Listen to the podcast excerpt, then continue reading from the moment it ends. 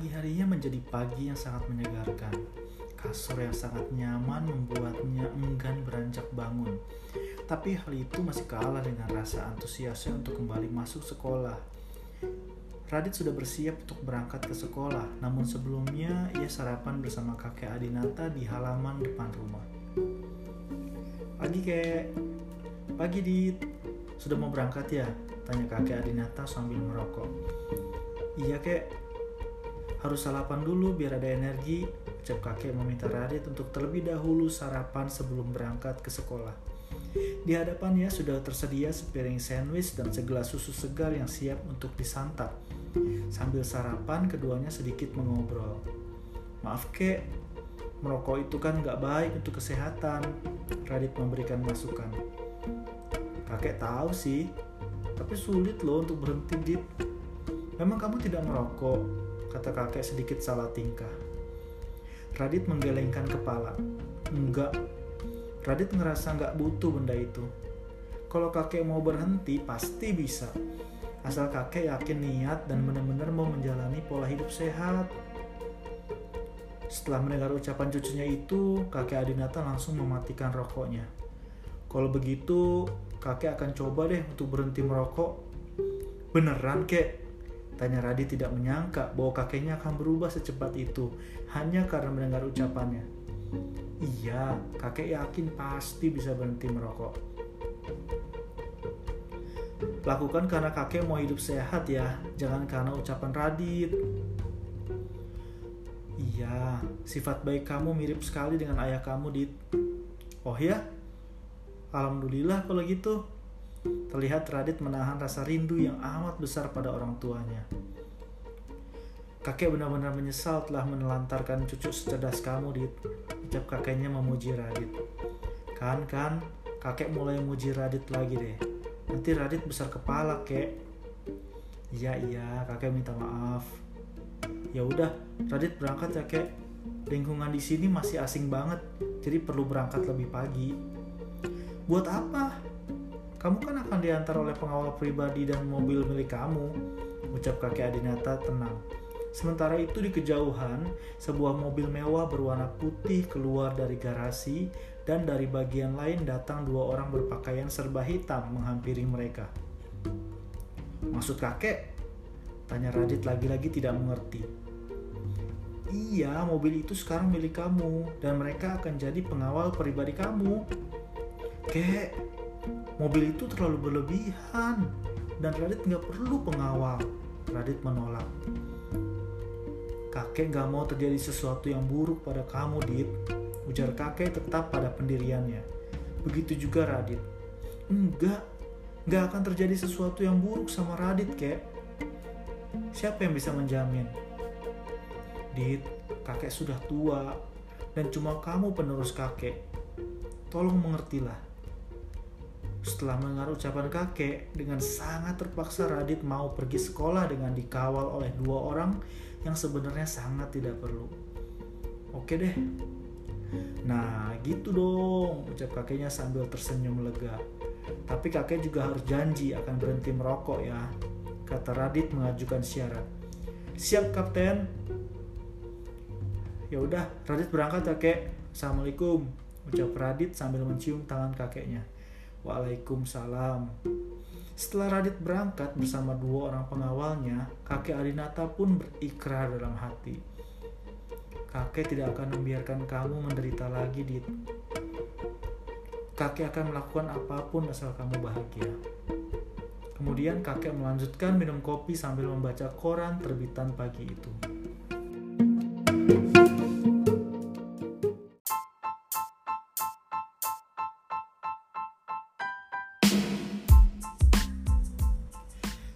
satu jam kemudian, Radit sampai di sekolah. Saat ia keluar dari mobil, semua orang melihat ke arahnya. Tentu saja terkagum melihat perubahan pada dirinya.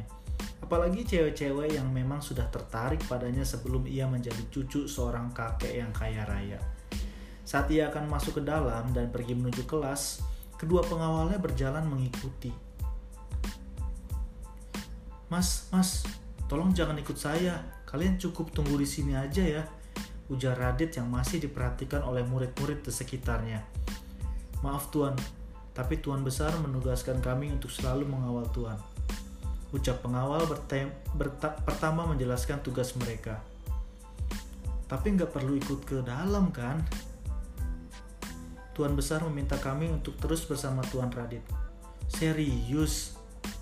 Radit yang sudah sangat jengkel memilih untuk mengabaikan pengawalnya dan bergegas masuk ke dalam. Dengan sigap, pengawalnya pun berjalan mengikuti. Di depan kelas sudah menunggu Dean, Raffi, dan Toya yang sedang asik mengobrol. Saat mereka melihat Radit, ketiganya pun berdiri dan berjalan menghampirinya. Woi, kenapa lu Dit? Baru pertama masuk, muka lu udah bete gitu? Tanya Raffi sambil merangkul Radit. Tuh, kata Radit melirik ke belakang. Seketika ketiganya pun tertawa. Hahaha, kok malah ketawa sih lu pada? Jadi mereka juga pengawal lu sekarang? Tanya Toya masih tertawa. Radit pun mengangguk pelan. Jangan ketawa dong. Masalahnya gue nggak bisa nolak pemerintahan kakek. Kayak pangeran di dongeng-dongeng ya. Sekarang kita punya julukan baru buat lo, Prince Radit. Kata Raffi yang membuat mereka kembali tertawa namun berhenti saat pengawal Radit berdiri di belakangnya. Halo, mas, mas. Ucap Toya menyapa kedua pengawal itu, namun keduanya tidak menjawab. Bersama dengan itu, bel berbunyi, tanda pelajaran akan segera dimulai. Tolong banget ya, saya harap kalian gak akan ikut saya ke dalam kelas. Baik tuan, kami akan tunggu di luar. Betapa leganya perasaan Radit karena mereka tidak akan ikut bersamanya ke dalam kelas. Saat waktu istirahat tidak jauh berbeda. Pengawal Radit masih terus mengikuti ke mana pun ia pergi. Sampai akhirnya ia memutuskan untuk menelpon kakek Adinata. Halo, kakek. Ya Dit, ada apa ya?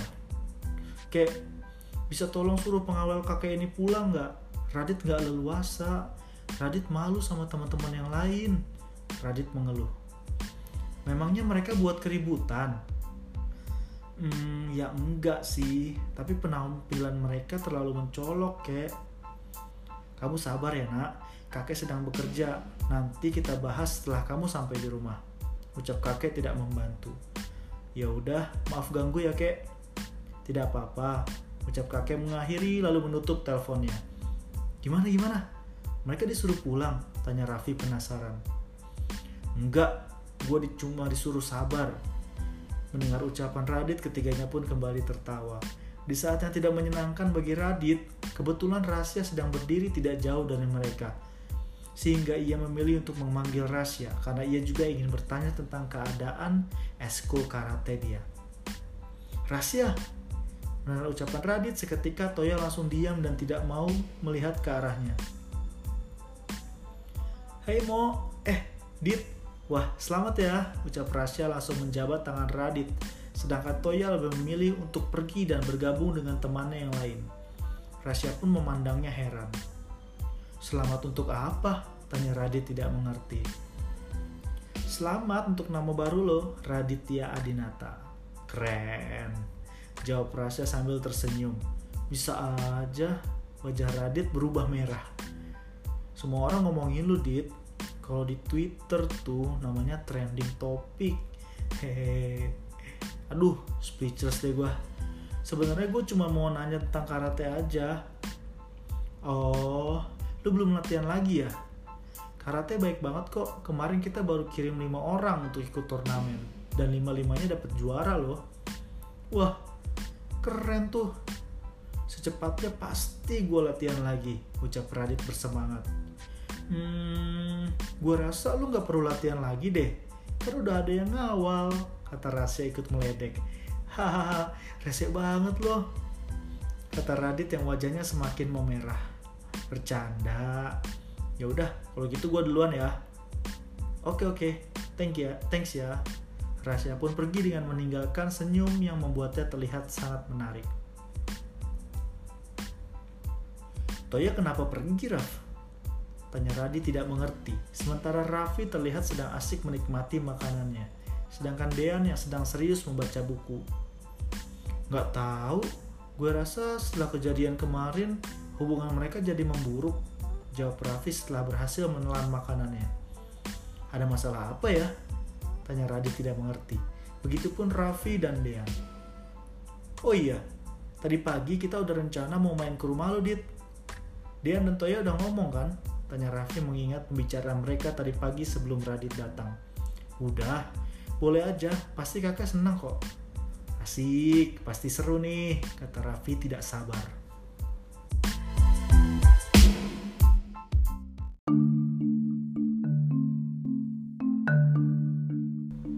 Siang harinya setelah pulang sekolah, keempatnya bersiap untuk pergi ke rumah Radit. Mereka berjalan menuju ke halaman parkir sekolah untuk mengambil mobil. Sedangkan kedua pengawal Radit pergi untuk mengambil mobil milik Radit. Namun betapa terkejutnya Toya saat melihat bodi mobilnya penuh goresan benda tajam. Entah siapa yang melakukannya. Sialan, siapa nih yang bikin mobil gua begini? Toya terlihat sangat marah. Gila, ini sudah tindakan kriminal, kata Raffi ikut emosi. Ini pasti ulah Ronald CS, Toy, ucap Dean mengingatkan tentang ancaman Ronald CS kemarin. Jangan asal nuduh, Dean, Radit menasehati. Soalnya kemarin sebelum kita pulang, Ronald sempat mengancam Toya. Dean memperkuat dugaannya. Gue rasa Dean bener. Mereka membuktikan ucapan mereka. Kata Toya mendukung tuduhan Dean. Sementara itu seorang satpam datang menghampiri mereka lalu bertanya apa yang sedang terjadi karena ada beberapa murid lain juga yang memperhatikan kejadian itu. Ada apa ini rame-rame? Nah, kebetulan ada Pak Satpam. Bapak kan tugasnya menjaga keamanan di sekolah ini. Tapi kenapa mobil saya bisa begini, Pak? Ucapnya naik darah. Setelah, setelah melihat keadaan mobil Toya, Satpam itu terlihat sangat terkejut. Waduh, Kenapa bisa begini mobilnya? Loh, kok bapak malah balik tanya? Yang lebih tahu kan harusnya bapak. Ucap Toya semakin tidak sabar. Waduh mas, tempat parkir di sini itu luas sekali. Bapak sulit kalau harus mengawasi mobil satu persatu. Bapak nggak lihat siapa yang melakukan semua ini? Tanya Radit lebih tenang. Sumpah bapak nggak tahu mas, kata bapak satpam sambil mengangkat dua jarinya ke atas. Terus gimana Toy? Tanya Raffi menyerahkan, menyerahkan semuanya kepada Toya. Gue akan tunggu sampai mereka masuk sekolah lagi.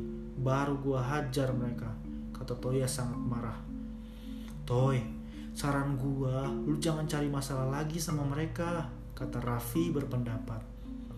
Tapi mereka semakin keterlaluan dan itu harus dihentikan. Kata Toya tetap pada pendiriannya. Tapi bukan dibalas dengan kekerasan lagi, Toy. Radit menambahkan. Ya udahlah, untuk saat ini kita lupain aja. Gue nggak mau hari ini rusak cuman karena anak geng sialan itu. Jawab Toya berbesar hati. Serius, Toy? Tanya Dean meyakinkan. Iyalah, hari ini kita kan mau ke rumahnya Radit. Ucap Toya sambil tersenyum meyakinkan. Berangkat, saut Raffi bersemangat. Di saat Radit akan masuk ke mobil, seorang pengawal memanggilnya. Tuan Radit, mobilnya sudah siap. Uh, saya pulang bareng sahabat-sahabat saya aja ya, Radit memutuskan. Maaf, tidak bisa tuan. Anda harus pulang bersama kami. Loh, kenapa? Karena itu perintah dari tuan besar. Gini, gini, gini. Saya dan sahabat-sahabat saya juga pulang ke rumah kakek sama aja kan? Sekali lagi kami mohon maaf Tuhan. Saya mohon Tuhan mau pulang bersama kami, karena itu perintah langsung dari Tuhan besar. Setelah mendengar perkataan itu, Radit pun hanya bisa melirik ketiga sahabatnya dengan pandangan kecewa, lalu bersedia pulang bersama kedua pengawalnya. Raffi, Dean, dan Toya yang juga sedikit kecewa langsung masuk ke mobil dan pergi meninggalkan sekolah. Yang mana mobilnya? Toya mencari-cari mobil Radit sambil memicingkan mata karena matahari bersinar terik. Beruntung seorang pengawal melambaikan tangan dari jendela sehingga ketiganya pun tersadar kalau mobil Radit berada tepat di depan mereka. Widih, mobil Radit keren banget cuy. Raffi merasa sangat senang melihat perubahan pada hidup Radit. Tanpa pikir panjang, Toya langsung mengikuti mobilnya. Gokil deh, hidup Radit benar-benar berubah sekarang kata Toya ikut senang. Bagus kan kalau hidup Radit jadi lebih baik? Dean ikut bicara. Iya, pastilah, ucap Raffi dan Toya bersamaan. Mereka pun memulai perjalanan menuju rumah Radit yang jaraknya lumayan jauh dari sekolah. Toya melupakan sejenak masalah mobilnya dan memilih untuk bersenang-senang bersama ketiga sahabatnya.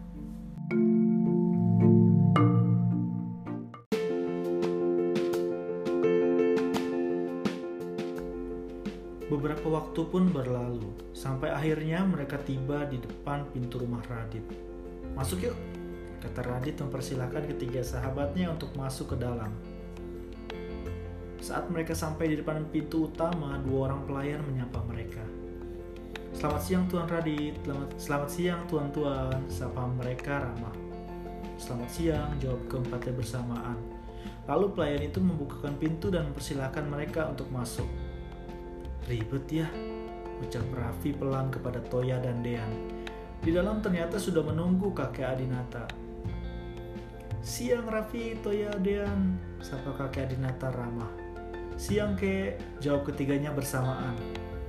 Radit, tebak kakek bawa siapa?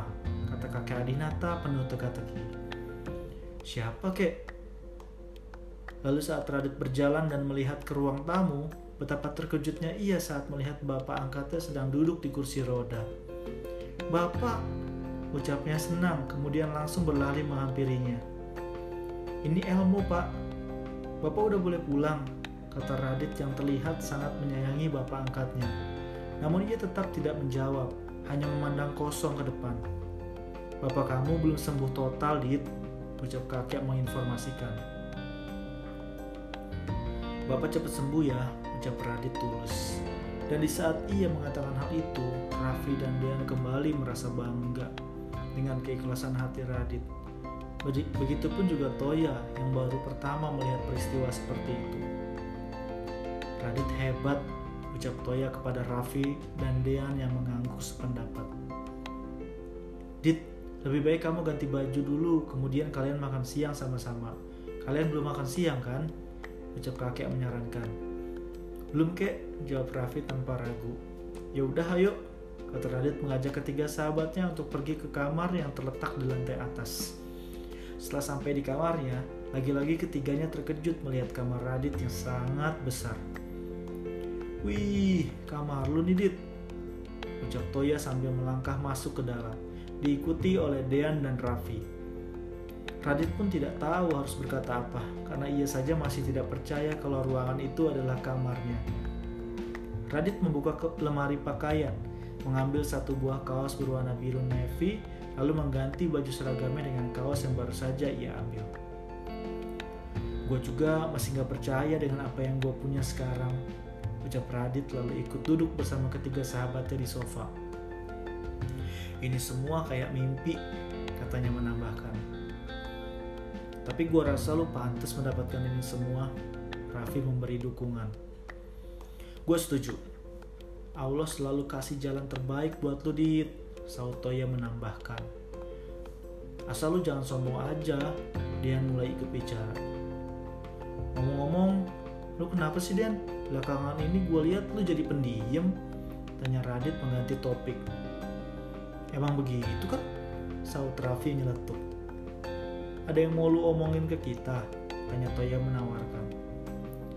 Sebenarnya ada. Dari tadi gue di sekolah mau ngomong, tapi belum nemu waktu yang tepat deh kayaknya. Raffi penasaran. Cerita apaan? Gini-gini. Tadi pagi Pak Bondan kasih tahu kalau karya ilmiah gua berhasil tembus lima besar dari 126 karya ilmiah yang berasal dari 96 negara di dunia. Jadi, gue bakal ke Paris, Prancis. Ucapnya lalu tersenyum bahagia. Gila, hebat banget loh, kata Raffi ikut senang. Ketiganya pun mengucapkan selamat pada Dean. Keren, otak lu emang gak usah diragukan lagi, Den, kata Toya sambil menepuk bahu Dean. Gue yakin lu pasti juaranya, kata Radit optimis. Makasih, ucap Dean tidak bisa mengungkapkan perasaan bahagianya. Kapan lu pergi ke sana? Tanya Toya tidak sabar. Liburan semester nanti, Dan seperti perjanjian kita dulu, kalian juga akan ikut gue kan? Jadi kita sekalian liburan nih ke Perancis. Wah, asik nih pasti. Raffi terlihat antusias. Wah, pasti bakalan seru tuh. Sautoya juga setuju. Lu gimana, Dit? Gak ada alasan kan untuk gak ikut kita? Tanya Dian penuh harap. Tapi gue gak enak sama kakek. Udah, gue yakin kakek lu pasti kasih izin, kata Toya meyakinkan. Ya, kita lihat nanti deh. Emang kakek lu pelit ya, Dit? Tanya Raffi pelan. Dodol banget sih. Kalau pelit, nggak bakal Radit hidup kayak sekarang. Saut Toya ketus. Haha, iya juga ya, kata Raffi sambil menggaru-garu kepalanya yang tidak gatal. Bukan masalah itu, Raf, tapi kakek udah terlalu baik sama gua. Ya sih, sorry deh kalau gitu, ucap Raffi menyesali ucapannya. Yaudah, makan yuk, udah lapar nih gue, kata Radit mengajak ketiga, ketiga sahabatnya untuk makan siang, walaupun sudah sedikit terlambat.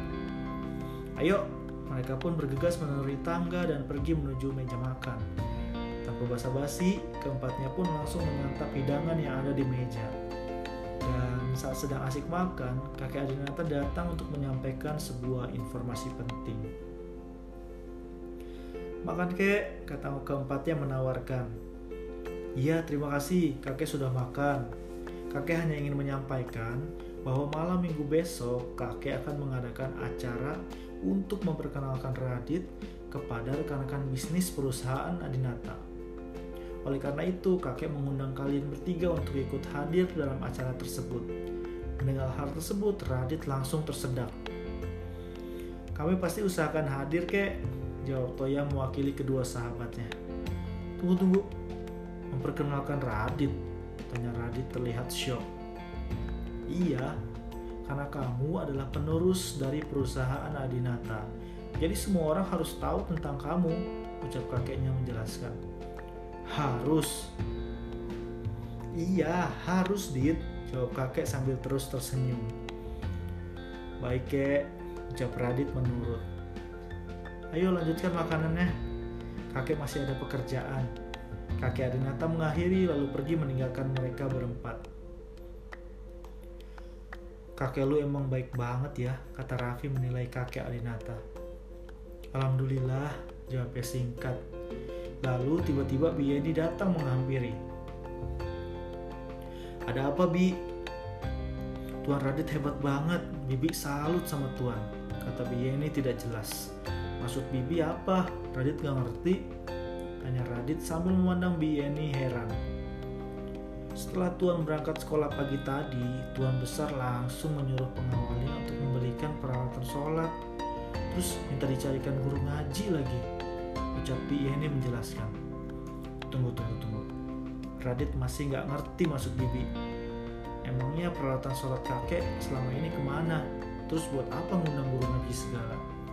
Tanya Radit masih tidak mengerti. Tuan tidak tahu. Sebelum ada Tuan Radit, Tuan besar tidak pernah melaksanakan perintah Allah seperti sholat dan lain-lain. Makanya Bibi bangga sama Tuan karena bisa merubah Tuan besar dalam waktu yang sangat singkat. Jawab ini menjelaskan. Jadi selama ini kakek nggak pernah sholat gitu? Tanya Radit memastikan. Iya, terus Tuan, sampai detik ini Bibi nggak melihat Tuan besar merokok lagi sedikit pun Padahal tuan besar itu kalau merokok bisa tiga bungkus sehari loh Den. Yang bener Bi. Iya tuan. Dan tuan besar juga sekarang melarang semua pengawalnya untuk merokok. Kalau tidak setuju, pengawalnya langsung dipecat. Kata Bieni melengkapi ceritanya. Mendengar laporan dari Bieni membuat Radit tidak bisa berkata apa-apa. Ia begitu terkejut dengan apa yang dilakukan kakek Adinata setelah mendengar ucapannya. Kalau begitu, Bibi permisi dulu tuan. Iya Bi, terima kasih ya informasinya. Raffi pun membuka suara. Keren lu Dit. Emang lu ngomong apa ke kakek Adinata sampai dia langsung berubah 100% gitu? Tanya Raffi kagum begitupun Dean dan Toya. Sumpah gue gak ngomong apa-apa soal sholat. Bahkan gue baru tahu tadi kalau kakek gak pernah sholat. Kalau rokok emang tadi sempat kita bahas suatu sarapan, ucap Radit menjelaskan. Saran gue, lu harus jaga kakek Adinata baik-baik. Jangan pernah kecewain beliau, kata Toya menasehati. Pasti. Setelah itu mereka menghabiskan sore dengan bermain game di kamar Radit. Dan ketika hari mulai gelap, ketiganya memutuskan untuk pulang.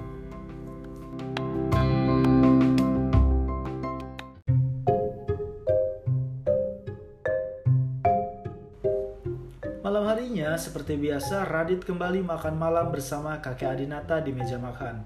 Sedangkan bapak angkat Radit sedang beristirahat di kamar. Kakek Adinata membuka obrolan malam itu. Kakek sudah tidak merokok lagi loh sekarang, Dit. Kata kakek terlihat lebih segar. Wah, selamat ya kek, Radit ikut seneng. Oh iya, ada yang lupa kakek berikan.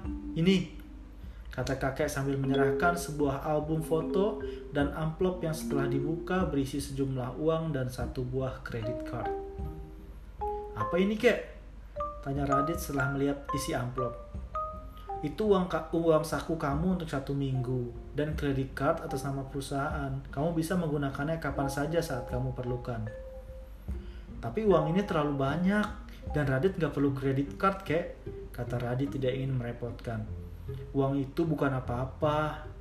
Dan suatu saat nanti, kredit card itu pasti akan sangat berguna untuk kamu.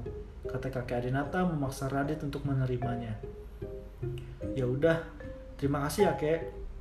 Sama-sama. Hal itu belum cukup untuk menebus kesalahan kakek selama ini kepada kamu, Dit. Tapi Radit udah benar-benar maafin kakek.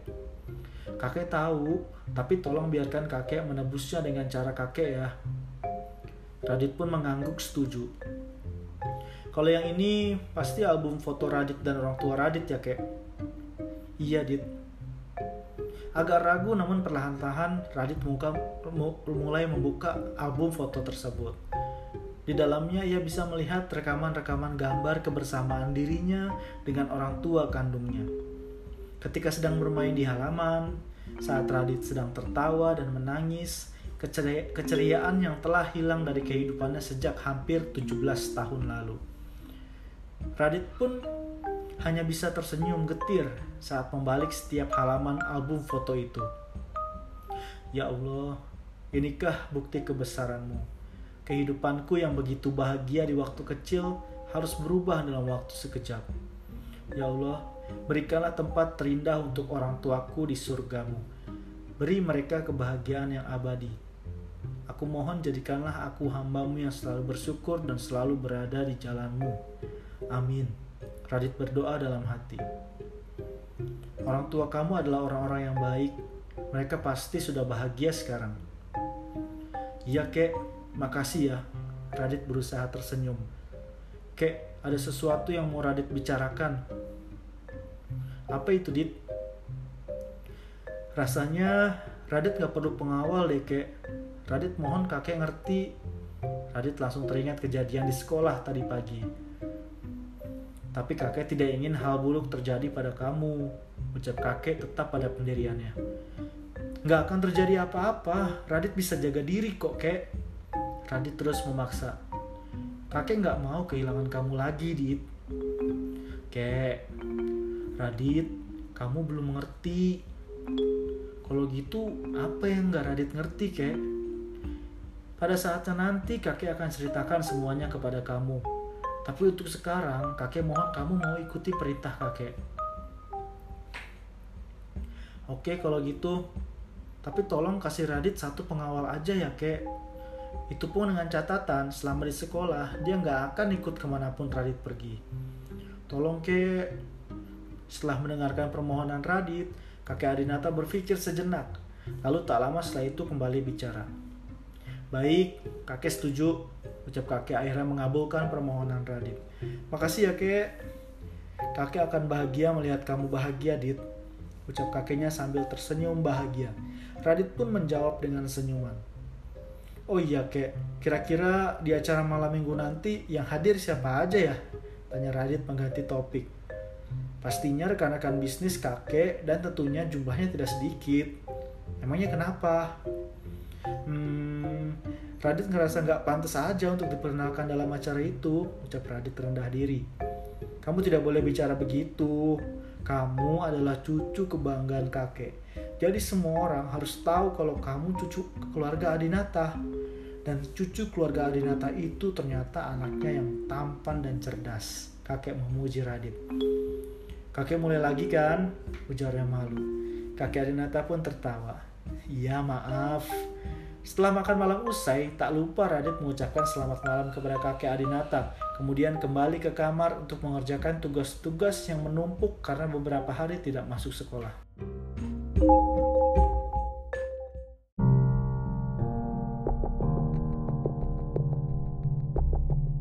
Keesokan harinya, Toya diminta untuk menemui Ibu Miske di ruangannya. Entah apalagi kesalahan yang ia perbuat bersama Raffi, Radit, dan Dean, ia pun pergi menemuinya di ruang super angker itu. Ketika memasuki ruangan, betapa terkejutnya mereka saat melihat Ronald CS juga berada di ruangan itu dengan kepala tertunduk lesu. Permisi bu, ada apa ya ibu memanggil saya? Toya, saya tahu kejadian yang menimpa mobil kamu. Mungkin pelakunya terlalu bodoh sampai-sampai mereka tidak menyadari bahwa di halaman parkir kita terpasang CCTV untuk memantau segala macam aktivitas di sana. Ibu Miske berbicara sambil mengutak-atik laptop di hadapannya. Dan ternyata pelakunya adalah mereka. Ia melirik ke arah Ronald CS yang langsung terkejut saat mendengarnya. Ibu Miske lalu menunjukkan rekaman gambar dari laptopnya Udah saya duga, pasti mereka pelakunya bu. Terlihat Toya berusaha keras meredam amarahnya. Radit langsung memegang bahu sahabatnya itu. Karena ini sudah termasuk tindakan kriminal, saya akan menghubungi pihak kepolisian untuk mengurus mereka. Sontak Ronald CS yang sangat terkejut langsung berlari dan berlutut di hadapan Ibu Miske. Bu, ampun bu, maafin kami bu. Ronald merengek sambil menangis. Bu, kami mengaku salah, Bu. Sebentar lagi kami lulus, Bu. Jangan biarkan masa depan kami hancur. Erwin ikut bicara, sementara Edgar dan Bobby hanya bisa menangis. Mendengar rengekan mereka, Ibu Miske malah naik darah. Kalau begitu, kenapa kalian bisa melakukan tindakan bodoh dan tidak bertanggung jawab seperti itu? Suaranya menggelegar memenuhi seiri, seisi ruangan. Melihat hal itu, Radit tidak sampai hati. Toy, kejahatan kalau terus dibalas dengan hal buruk gak akan ada habisnya, bisiknya pelan. Toya pun memandang ketiga sahabatnya bergantian. Dengan helaan nafas dalam, ia pun kembali bicara. Bu, dengan segala hormat, saya mohon maafkanlah mereka. Jangan hubungi kepolisian. Saya juga sudah memaafkan mereka kok. Mendengar hal itu, Ronald CS langsung beralih dan bersujud di kaki Toya. Makasih Toy, ucap mereka bergantian. Kami janji gak akan ganggu lu lagi, sumpah. Ronald menambahkan.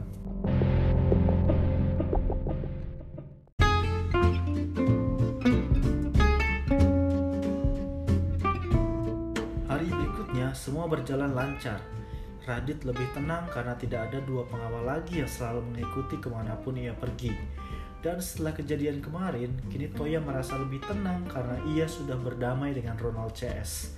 Sedangkan Raffi hari ini baru saja dilantik sebagai ketua MPK yang baru. Radit dan Toya pun sempat menyaksikan acara tersebut sebelum akhirnya mereka berdua pulang. Lain halnya dengan Dean. Semenjak ia terpilih untuk mewakili Indonesia dalam lomba karya ilmiah di Prancis, ia semakin sering mengurung diri dalam laboratorium bersama guru pembimbingnya. Setelah kegiatan mereka masing-masing selesai hari itu, mereka semua pulang. Tetapi tidak ada satupun dari mereka yang pulang bersama, karena waktu berakhirnya kegiatan mereka berbeda-beda.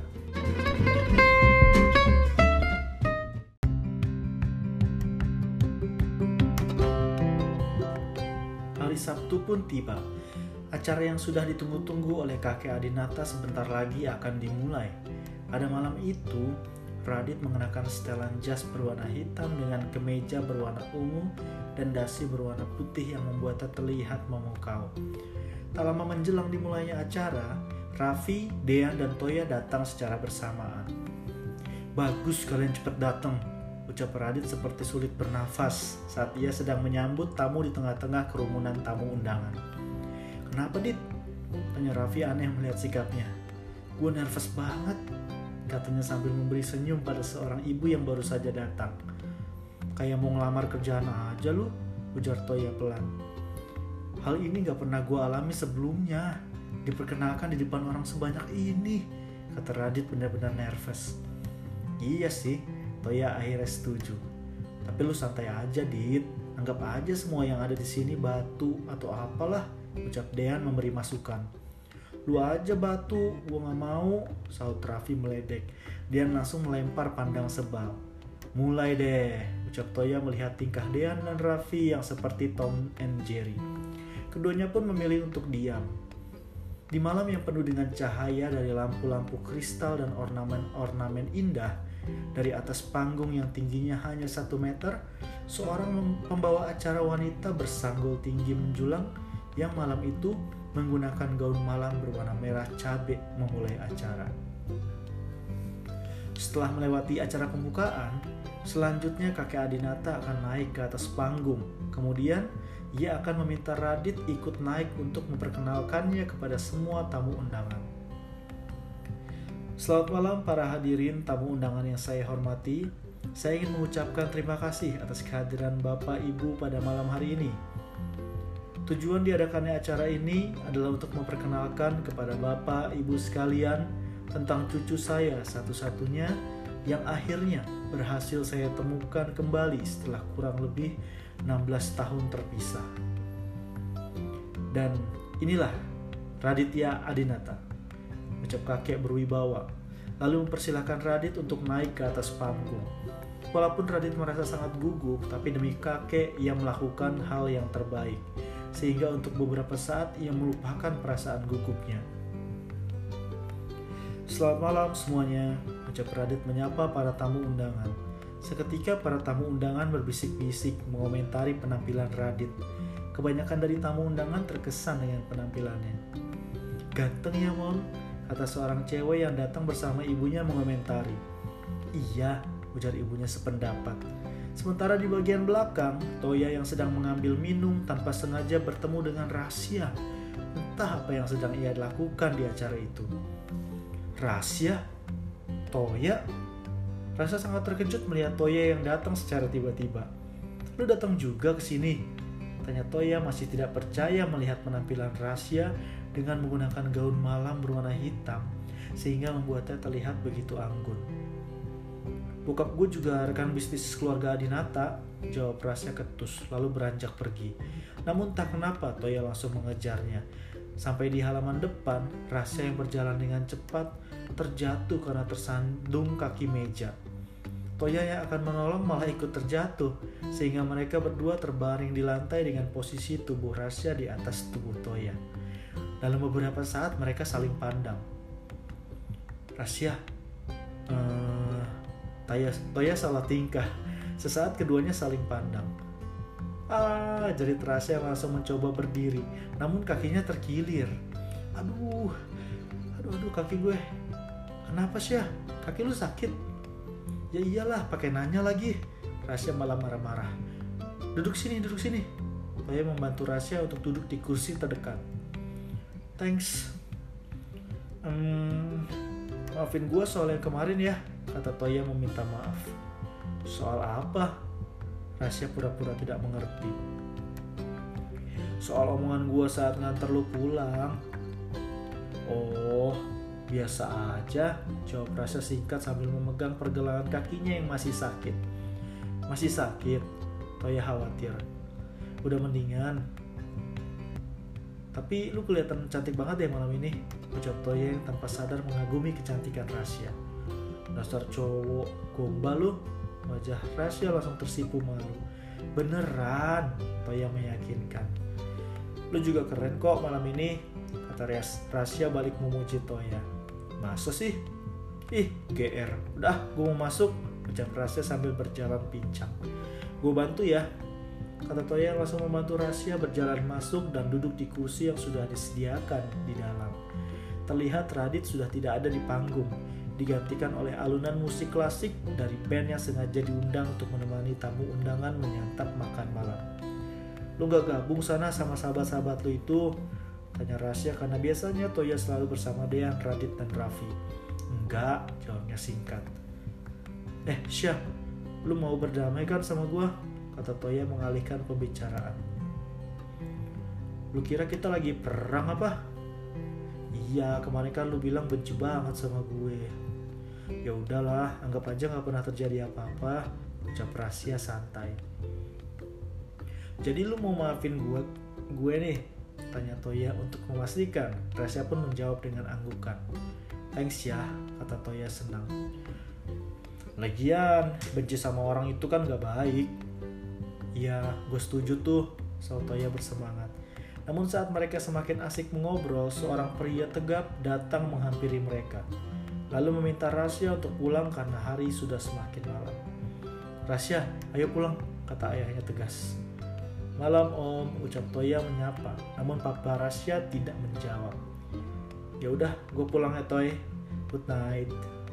Good night, balas Toya sambil tersenyum senang.